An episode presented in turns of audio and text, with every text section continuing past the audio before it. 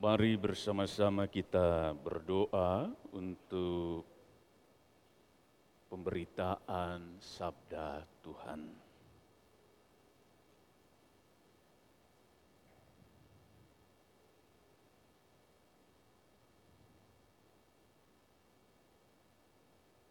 Bapa yang senantiasa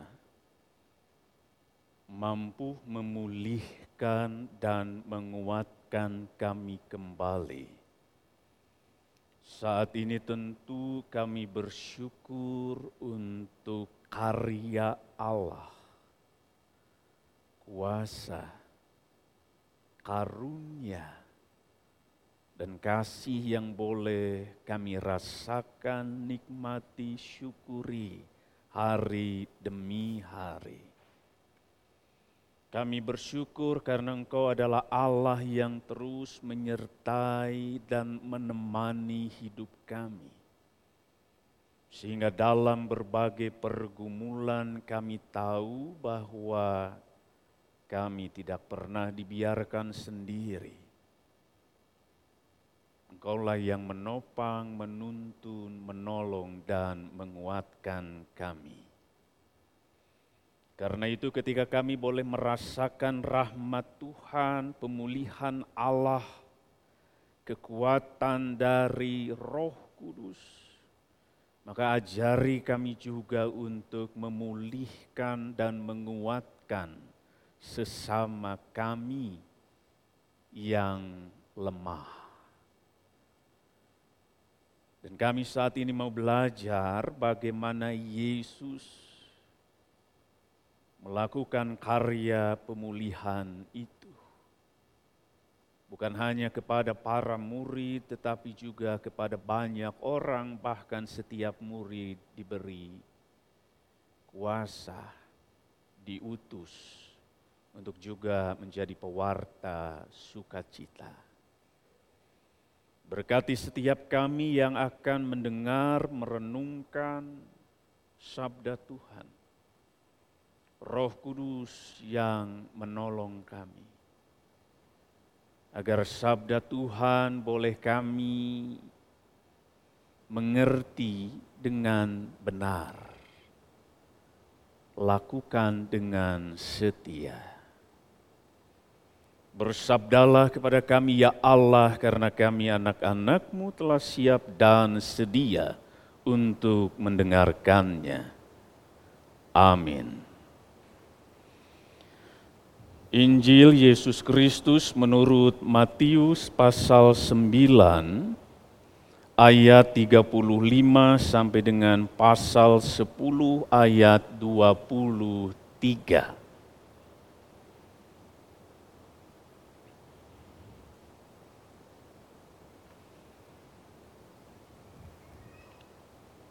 Matius 9 ayat 35 sampai Matius 10 ayat 23 empat perikop ini menjadi bagian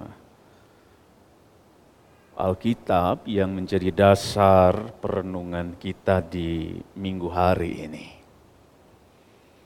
Demikianlah sabda Tuhan. Demikianlah Yesus berkeliling ke semua kota dan desa. Ia mengajar dalam rumah-rumah ibadat dan memberitakan Injil Kerajaan Sorga, serta melenyapkan segala penyakit dan kelemahan. Melihat orang banyak itu, tergeraklah hati Yesus oleh belas kasihan kepada mereka, karena mereka lelah dan terlantar seperti domba yang tidak bergembala. Maka katanya kepada murid-muridnya, "Tuayan memang banyak, tetapi pekerja sedikit. Karena itu, mintalah kepada Tuhan yang empunya tuayan." Supaya ia mengirimkan pekerja-pekerja untuk tuayan itu. Yesus memanggil kedua belas muridnya dan memberi kuasa kepada mereka untuk mengusir roh-roh jahat dan untuk melenyapkan segala penyakit dan segala kelemahan. Inilah nama kedua belas rasul itu. Pertama Simon yang disebut Petrus dan Andreas saudaranya, dan Yakobus anak Zebedeus dan Yohanes saudaranya, Filipus dan Bartolomeus, Thomas dan Matius pemungut cukai, Yakobus anak Alfeus dan Tadeus, Simon orang Zelot, dan Yudas Iskariot yang mengkhianati dia. Kedua belas murid itu diutus oleh Yesus dan ia berpesan kepada mereka, Janganlah kamu menyimpang ke jalan bangsa lain atau masuk ke dalam kota orang Samaria. Melainkan pergilah kepada domba-domba yang hilang dari umat Israel – Pergilah dan beritakanlah, kerajaan sorga sudah dekat. Sembuhkanlah orang sakit, bangkitkanlah orang mati, tahirkanlah orang kusta, usirlah setan-setan. Kamu telah memperolehnya dengan cuma-cuma, karena itu berikanlah pula dengan cuma-cuma Janganlah kamu membawa emas atau perak atau tembaga dalam ikat pinggangmu. Janganlah kamu membawa bekal dalam perjalanan. Janganlah kamu membawa baju dua helai, kasut atau tongkat. Sebab seorang pekerja patut mendapat upahnya. Apabila kamu masuk ke kota atau desa, Carilah di situ seorang yang layak dan tinggallah padanya sampai kamu berangkat. Apabila kamu masuk rumah orang, berilah salam kepada mereka. Jika mereka layak menerimanya, salammu itu turun ke atasnya. Jika tidak, salammu itu kembali kepadamu. Dan apabila seorang tidak menerima kamu dan tidak mendengar perkataanmu, keluarlah dan tinggalkanlah rumah atau kota itu, dan kebaskanlah debunya dari kakimu.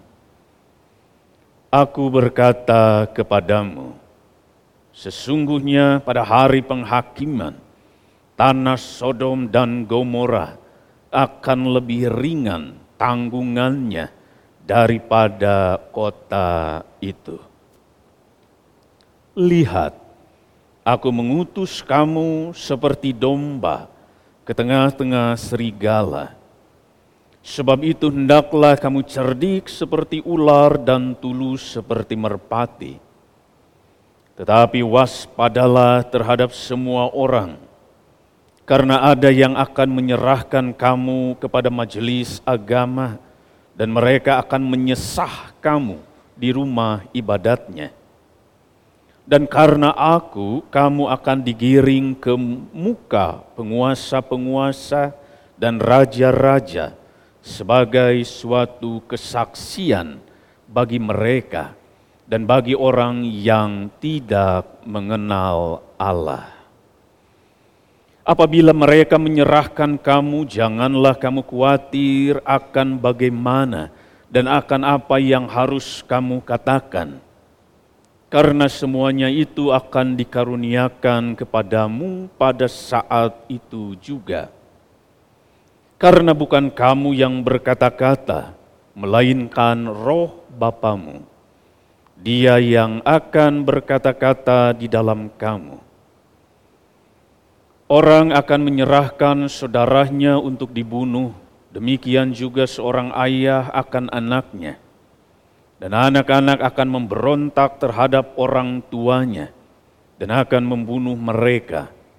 Dan kamu akan dibenci semua orang oleh karena namaku. Tetapi orang yang bertahan sampai pada kesudahannya akan selamat. Apabila mereka menganiaya kamu dalam kota yang satu, larilah ke kota yang lain. Karena aku berkata kepadamu, sesungguhnya sebelum kamu selesai mengunjungi kota-kota Israel, anak manusia sudah datang. Berbahagialah orang yang mendengar sabda Tuhan serta memelihara dan melakukan dalam hidupnya setiap hari. Haleluya. Haleluya. Haleluya. Haleluya.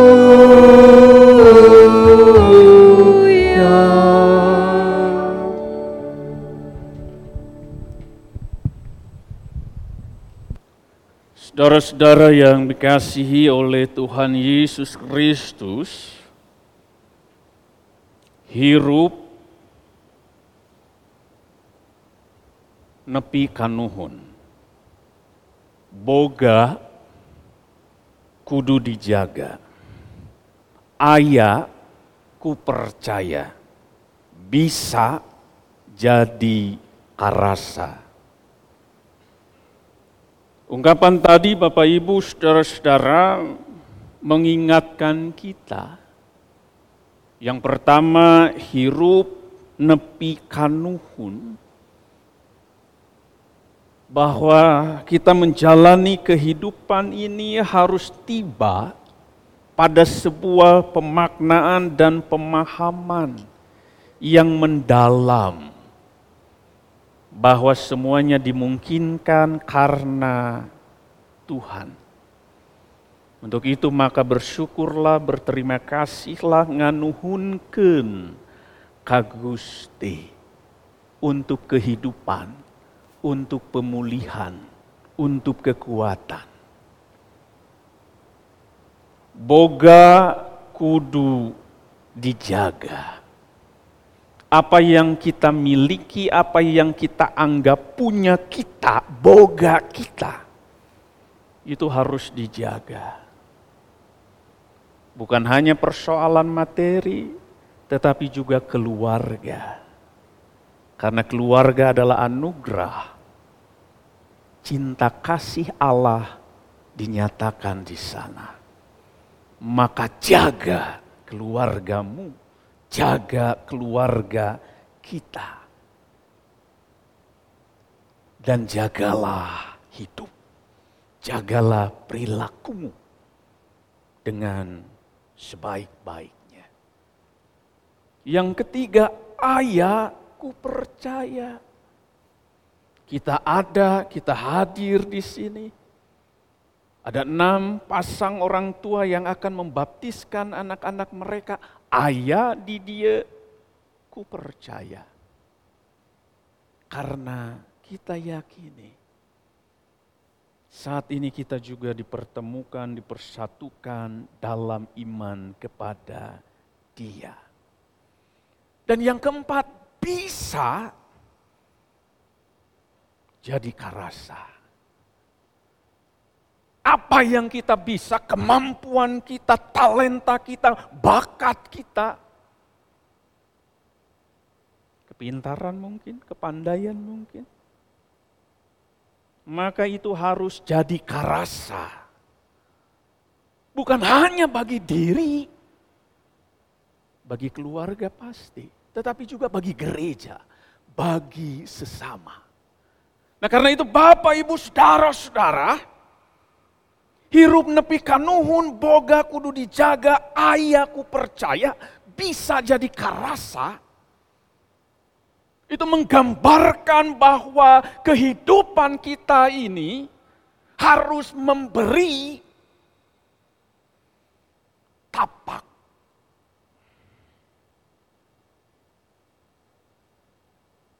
Bukan hanya goresan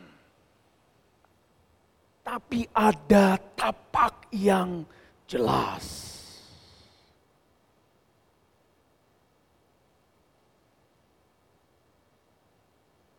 Hidup itu harus berguna. Hidup itu harus bermanfaat. Hidup itu harus menjadi berkat. Karena kita tidak boleh asal hidup, kita tidak boleh asal menjalani kehidupan ini tanpa tujuan, tanpa visi ke depan, tanpa iman. Jadikan hidup kita itu punya kualitas yang baik.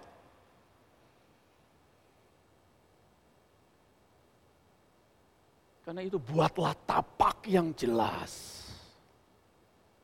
Buatlah jejak yang jelas. Sehingga hidupmu itu dirasa oleh orang lain. Karena itu kalau orang Sunda mengatakan ulah loba basa bisi basi dan perlu bukti. Jadi ulah ngan ukur carita tapi kudu aya fakta. Nah Bapak Ibu Saudara-saudara hari ini kita melihat bagaimana Yesus memperlihatkan bahwa ia menghadirkan dirinya bagi banyak orang.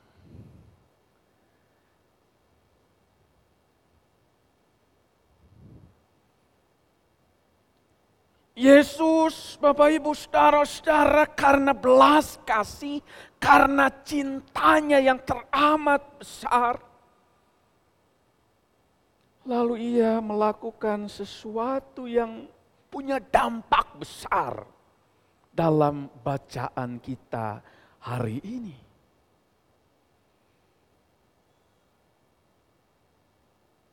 Ayat 35 Bapak Ibu Saudara-saudara sampai 36 menegaskan Demikianlah Yesus berkeliling ke semua kota dan desa, ia mengajar dalam rumah-rumah ibadat dan memberitakan Injil kerajaan sorga, serta melenyapkan segala penyakit dan kelemahan. Melihat orang banyak itu, tergeraklah hati Yesus oleh belas kasihan kepada mereka, karena mereka lelah dan terlantar seperti domba yang tak bergembala.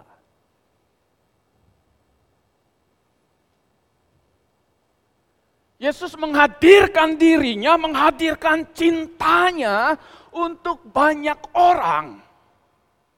Ia berbuat sesuatu, ia tidak diam.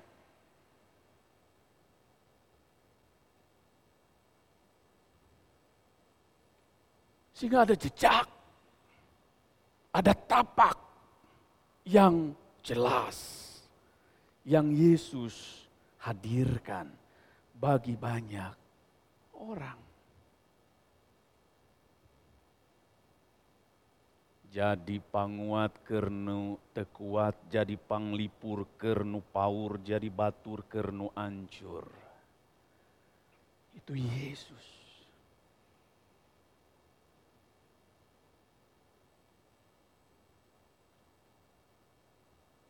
Dan apa yang kemudian Yesus lakukan Bapak Ibu saudara-saudara? Matius menggambarkan ia mulai memanggil para murid. 12 yang dikhususkan. Yang kemudian disebut rasul. 12 orang itu dipanggil, diutus, dibekali, diberi kuasa, dipanggil untuk melakukan berbagai karya untuk mewartakan kabar sukacita bagi banyak orang.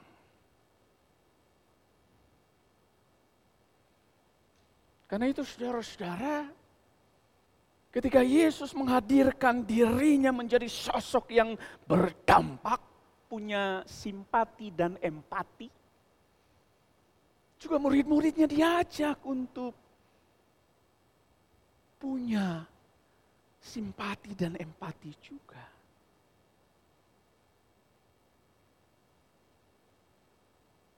Murid-muridnya diutus. Dan tentu Yesus juga mengingatkan, oh akan ada banyak aniaya, akan ada banyak persoalan, pergumulan. Kamu bisa menderita, kamu akan mengalami itu. Tapi rohku, kuberikan. Engkau tidak sendiri. Aku temani, aku sertai, aku berjalan bersamamu. Sekalipun engkau harus menjalani perjalanan yang teramat sangat sulit. Tapi aku temani.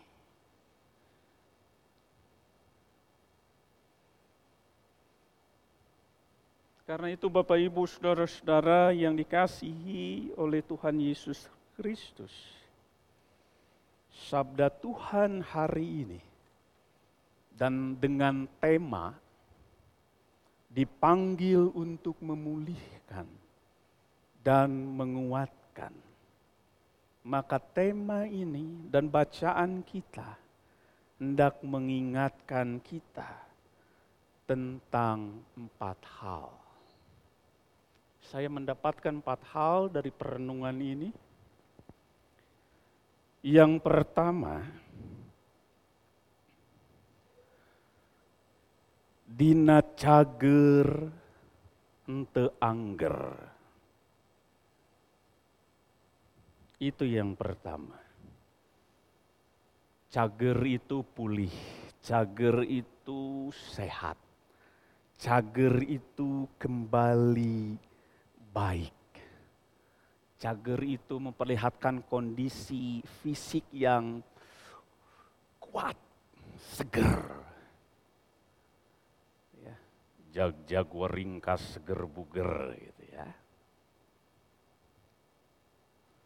Dan Yesus menghadirkan dirinya bukan hanya memulihkan secara fisik. Tetapi juga ada relasi-relasi yang rusak yang Yesus kemudian pulihkan. Menjadi baik.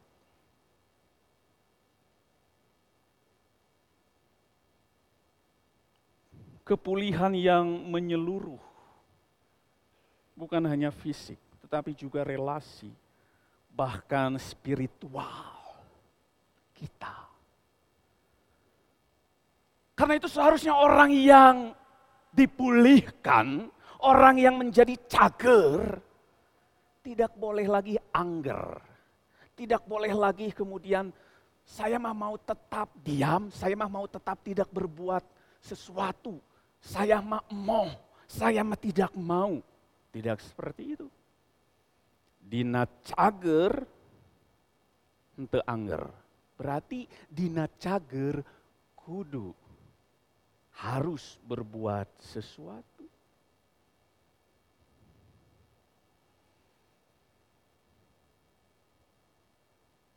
Itu yang pertama, Bapak Ibu, saudara-saudara. Yang kedua, dina kuat jadi berkat. Allah mengangkat setiap kita dari kelemahan kita, dari kejatuhan kita, dari keterpurukan kita. Allah mengangkat kita. Kita ditopang, kita dikuatkan. Nah, kalau sudah diangkat ditopang, dikuatkan, maka jadilah berkat. Dan yakinilah Kanya Agusti tara telat. Kalau sudah kuat jangan melupakan untuk mengangkat sesamamu. Untuk berbelas kasih terhadap orang lain kalau engkau sudah kuat, kalau engkau sudah dipulihkan, kalau engkau sudah diberkati, jangan lupakan sesamamu.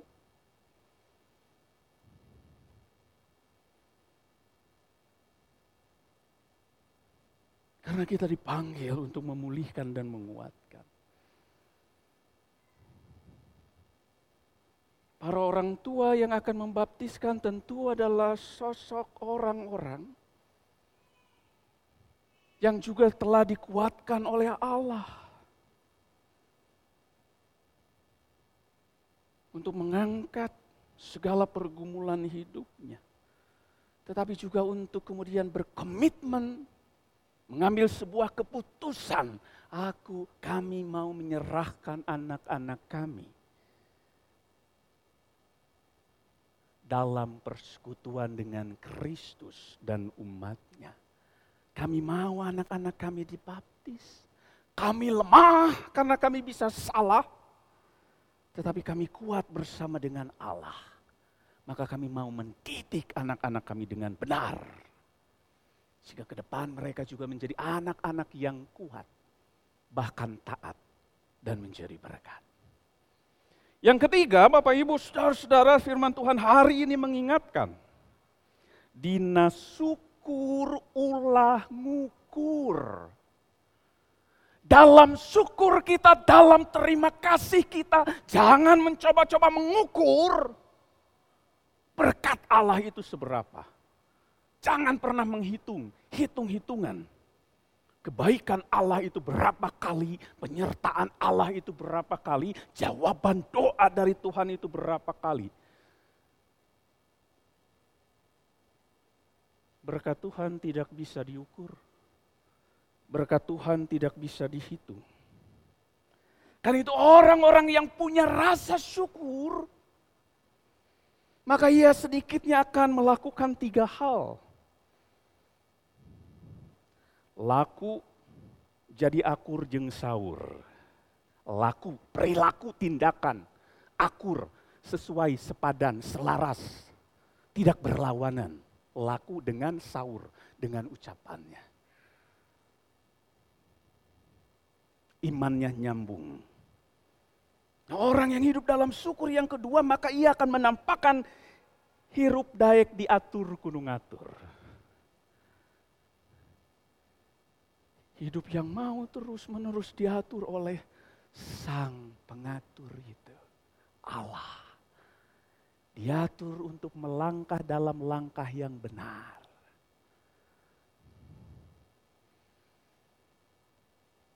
Dan para orang tua ini jelas ketika mereka berkomitmen untuk menyerahkan anak-anak mereka untuk dibaptis, maka sesungguhnya mereka sedang mengambil sebuah komitmen. Kami mau diatur oleh Allah, kami mau anak-anak kami juga diatur oleh Allah supaya tidak salah.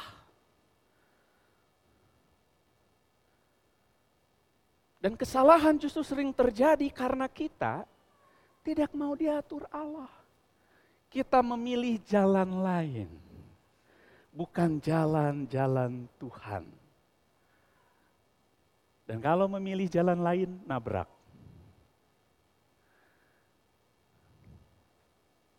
Sehingga keselamatan itu tidak menjadi bagian dari hidup kita. Nah bukti orang yang hidupnya penuh dengan syukur, dinas syukur, ulah ngukur. Yang ketiga adalah hirup kersa disaur kuno paur. Artinya apa Bapak Ibu Saudara-saudara di sahur kuno paur hidup kita ini mau dimintai tolong